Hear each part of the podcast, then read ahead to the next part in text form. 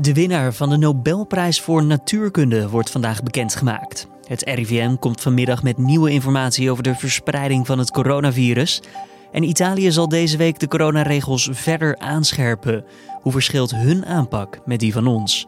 Dit wordt het nieuws. Uh, hè, dus ze hebben een, een, een beetje à la China een hele harde maatregel in het begin genomen, waardoor uh, die R ook wel hard is teruggedrongen. Um, en je ziet ook dat die voorzichtigheid er nog steeds wel in zit. Dus als er um, alarmbellen afgaan, en die gaan nu af, ja, dan, gaan, dan, dan schalen ze ook wel vrij snel op met nieuwe maatregelen. Italië-kenner Donatello Piras was dat. En hij kon ons zo bijpraten over de situatie daar en waarom ze relatief nog weinig besmettingen hebben. Maar eerst kort het belangrijkste nieuws van nu. Mijn naam is Julian Dom en het is vandaag dinsdag 6 oktober. Een meerderheid in de Eerste Kamer is positief over de corona-app. Zo lijkt de weg vrij voor de landelijke invoering van de coronamelder. Al klinkt er nog wel enige kritiek. Minister Hugo de Jonge omschreef de app als een domme app tussen aanhalingstekens. Het is niet wie je bent en waar je bent geweest, al dus de minister. Wat de app doet, is anonieme codes onder de gebruikers uitwisselen, zo verzekerde hij. De jongen reageerde op vragen van senatoren die zich zorgen maken over de privacy van de gebruikers. Later vandaag stemt de Eerste Kamer over de wet die bij de app hoort. De Amerikaanse president Donald Trump is maandagavond lokale tijd weer teruggekeerd in het Witte Huis. Bij thuiskomst deed de president direct zijn mondkapje af voor een fotomoment. Ook liet de president van zich horen. And I know there's a risk, there's a danger, but that's okay. And now I'm better and maybe I'm immune, I don't know.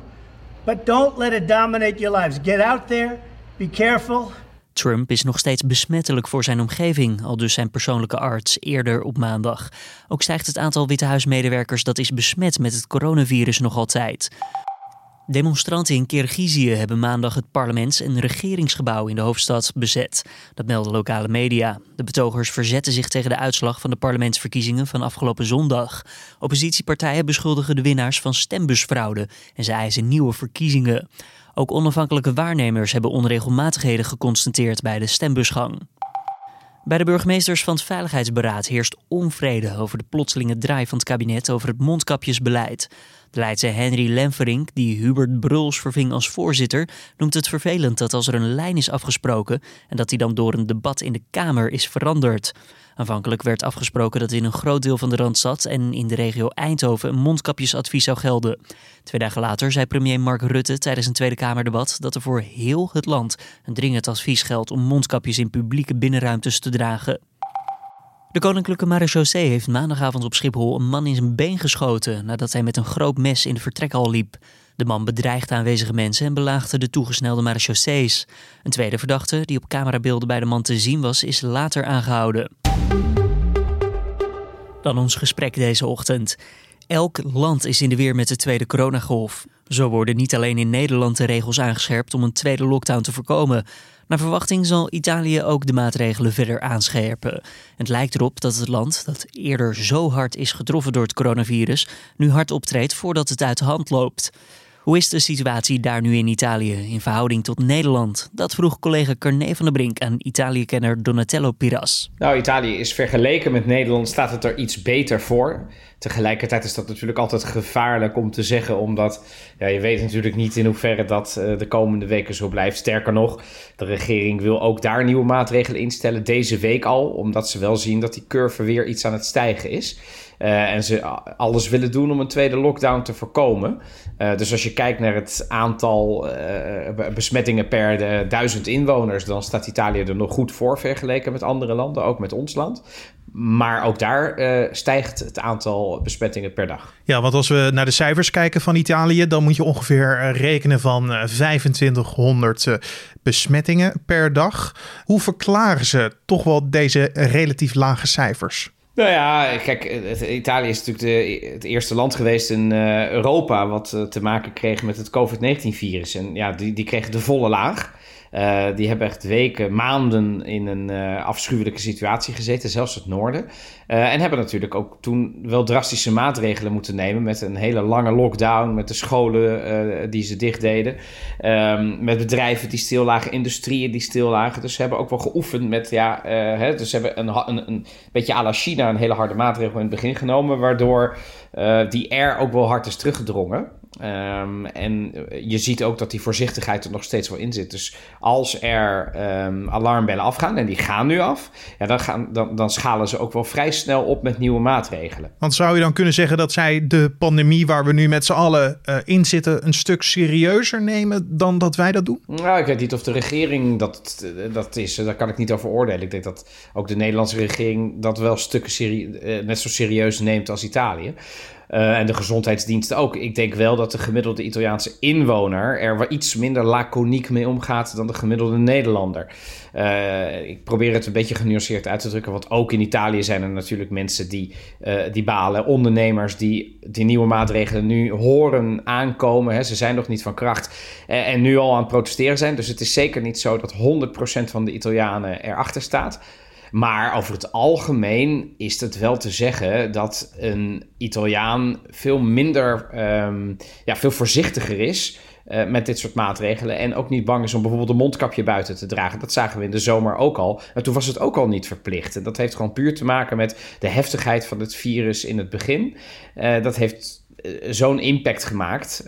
als je op een gegeven moment legertrucks met lijkkisten op de wagen door je straat ziet komen in Bergamo, in Brescia ja, dan, dan, dan denk je denk ik niet na van... hè, wat vervelend nu dat ik nu met een mondkapje op moet door een supermarkt. Dat doe, dat doe je dan gewoon. Maar dat komt dan neer op eigen initiatief... dat ze het zekere voor het onzekere willen nemen? Nou ja, deels wel. Hè. Dus in de zomer heb ik, ben ik er drie weken geweest... en toen zag je ook in de steden buiten gewoon... Eh, waar het buiten boven de, de, de, de 28 graden was... Uh, dat mensen buiten ook gewoon een mondkapje droegen. Dat hoeft helemaal niet. Maar voor de zekerheid uh, gebeurde dat wel. In afgesloten ruimtes, in restaurants zeker binnen... Uh, je liep even naar de wc, altijd je mondkapje op. Uh, je loopt naar binnen, je loopt met een mondkapje naar binnen. Je gaat afrekenen, je doet het mondkapje op.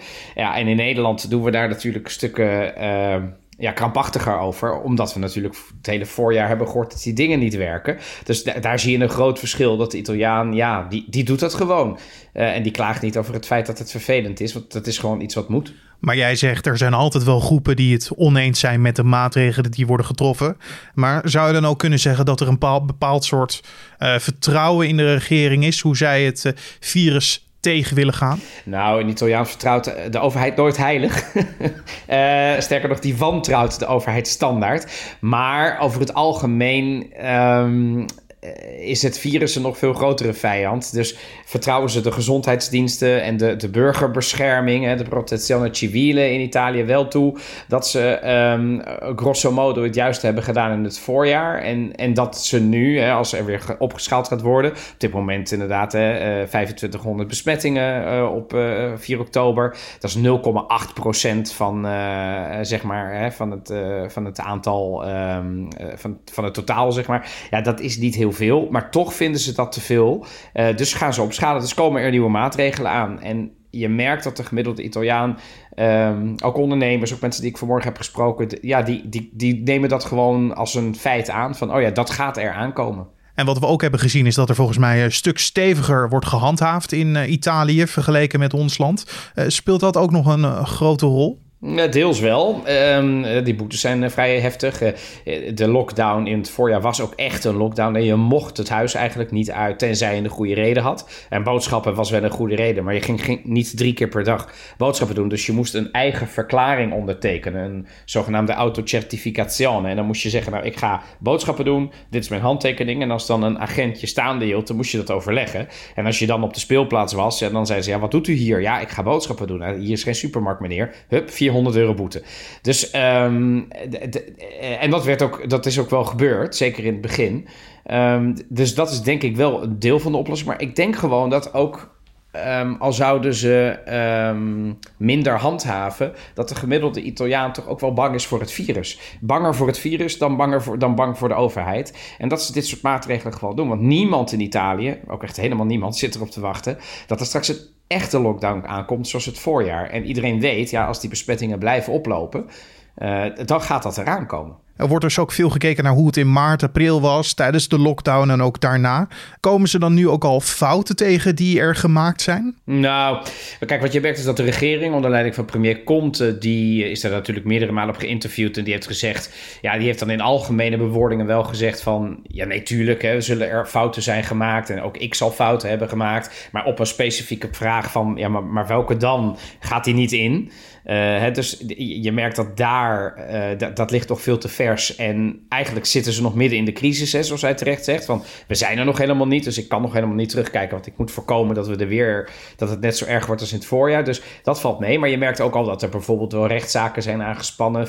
door hoe het bijvoorbeeld door een lokale overheid in, in, in bijvoorbeeld Lombardije is uh, geregeld. Hè. Hadden, of dat bepaalde burgemeesters in skigebieden hadden veel eerder een, een, verbod willen doen. Maar dat kon niet, omdat het omdat er geen gezondheidsrisico was nog. En, en twee weken daarna uh, was het alle hens aan dek. Dus er is zeker kritiek. Er, is, uh, er, wordt, er, er, speelt van alles. Maar je merkt dat dat is niet waar de uh, journaals iedere dag mee openen of waar de kranten van vol staan. Die staan vooral vol van het actuele nieuws. En dat is, hey, er komen weer nieuwe maatregelen aan, want we stijgen toch iets. En kijk om ons heen in Europa is iedereen eigenlijk wel weer midden in die tweede golf. En dat merken ze in Italië natuurlijk ook wel. Ja, want als we naar de coronaregels kijken, naar verluid zouden die deze week weer aan worden gescherpt. Waar moeten we dan ongeveer aan denken? Ja, van alles. Um, de, de, de, wat er uh, gebeurt is dat uh, het mondkapje weer, weer verplicht gaat worden. Uh, dat was het natuurlijk ook. handen wassen, één meter afstand houden. Je mag geen samenschoningen hebben.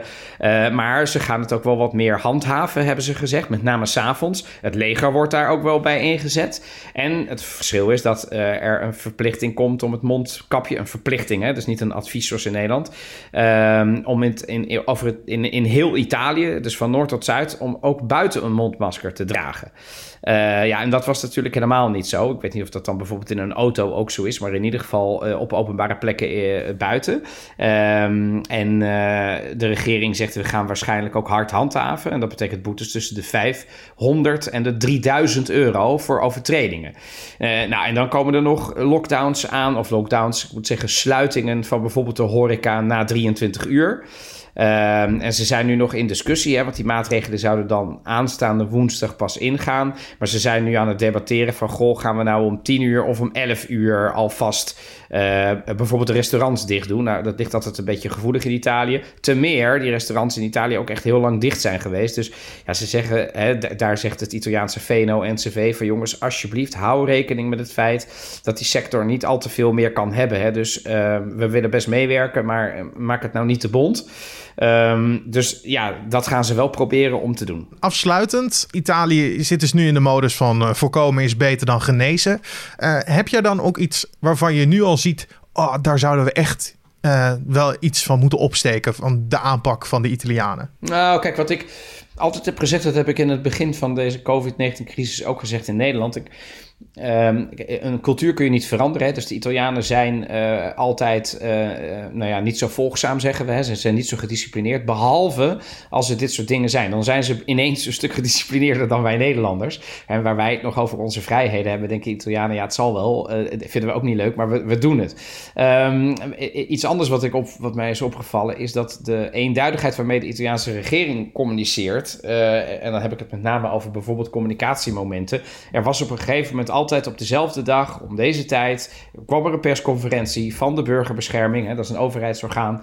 Um, dat zou bij ons, is dat, bestaat dat niet meer, maar dat zou het ministerie van eh, VWS zijn inmiddels. Komt er altijd een persconferentie en toen eh, laten we zeggen, na een paar maanden het weer afgeschaald werd, de maatregelen, was er geen persconferentie meer, maar werden nog altijd wel het aantal besmettingen om die tijd bekendgemaakt. En dus je hebt een soort referentiepunt als Italiaan. Oh ja, iedere dag om die tijd. En je weet nu ook, oh wacht eens even, die persconferenties bijvoorbeeld, daarvan heeft de regering gezegd, die komen nu weer terug.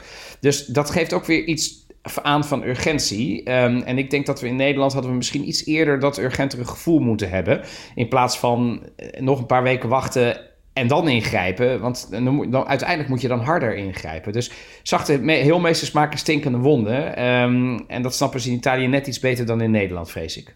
Italië-renner Donatello Piras hoorde je in gesprek met collega Carne van der Brink. Verder de nieuwsagenda voor vandaag. De winnaar van de Nobelprijs voor de natuurkunde die wordt bekendgemaakt.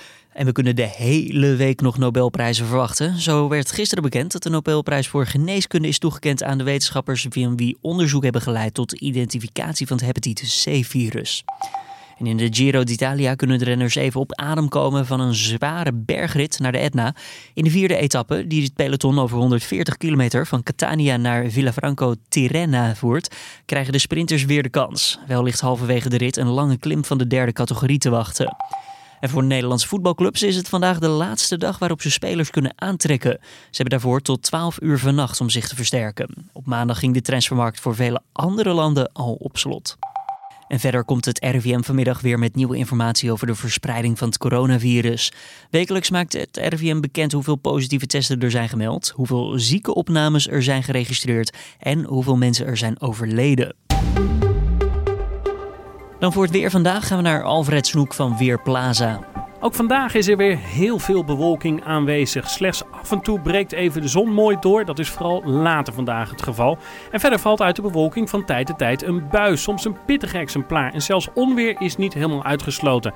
En een enkele bui levert echt eventjes in korte tijd veel regenwater op. Vooral in de kustprovincies is dat het geval tussen de buien door. Als even de zon doorbreekt vanmiddag wordt het nog een graad of 15, want tijdens de buien ligt de temperatuur echt wel een paar graden lager. En bij dat alles waait er een zuidwestenwind, matig boven land, krachtig aan zee, windkracht 4 tot 6. Dankjewel Alfred. En dan nog eventjes dit. Er is weer een grote Hollywood-film uitgesteld. Dit keer heeft Warner Bros. besloten om de film June niet in december uit te brengen, maar door te schuiven naar volgend jaar. Een precieze datum wordt niet genoemd, maar volgens geruchten zal er gewacht moeten worden tot oktober 2021 voordat June te zien is. Het is de tweede blockbuster die deze week is uitgesteld. Eerder werd namelijk al de nieuwe James Bond film No Time to Die verplaatst naar het voorjaar van 2021. En dit was dan de Dit wordt het nieuws ochtendpodcast van deze dinsdag 6 oktober. Tips of feedback zijn van harte welkom. Stuur ze naar podcast.nu.nl. Vanmiddag is mijn collega Carne van de Brinker met de middageditie van de podcast. Mijn naam is Julian Dom en ik spreek je morgenochtend weer.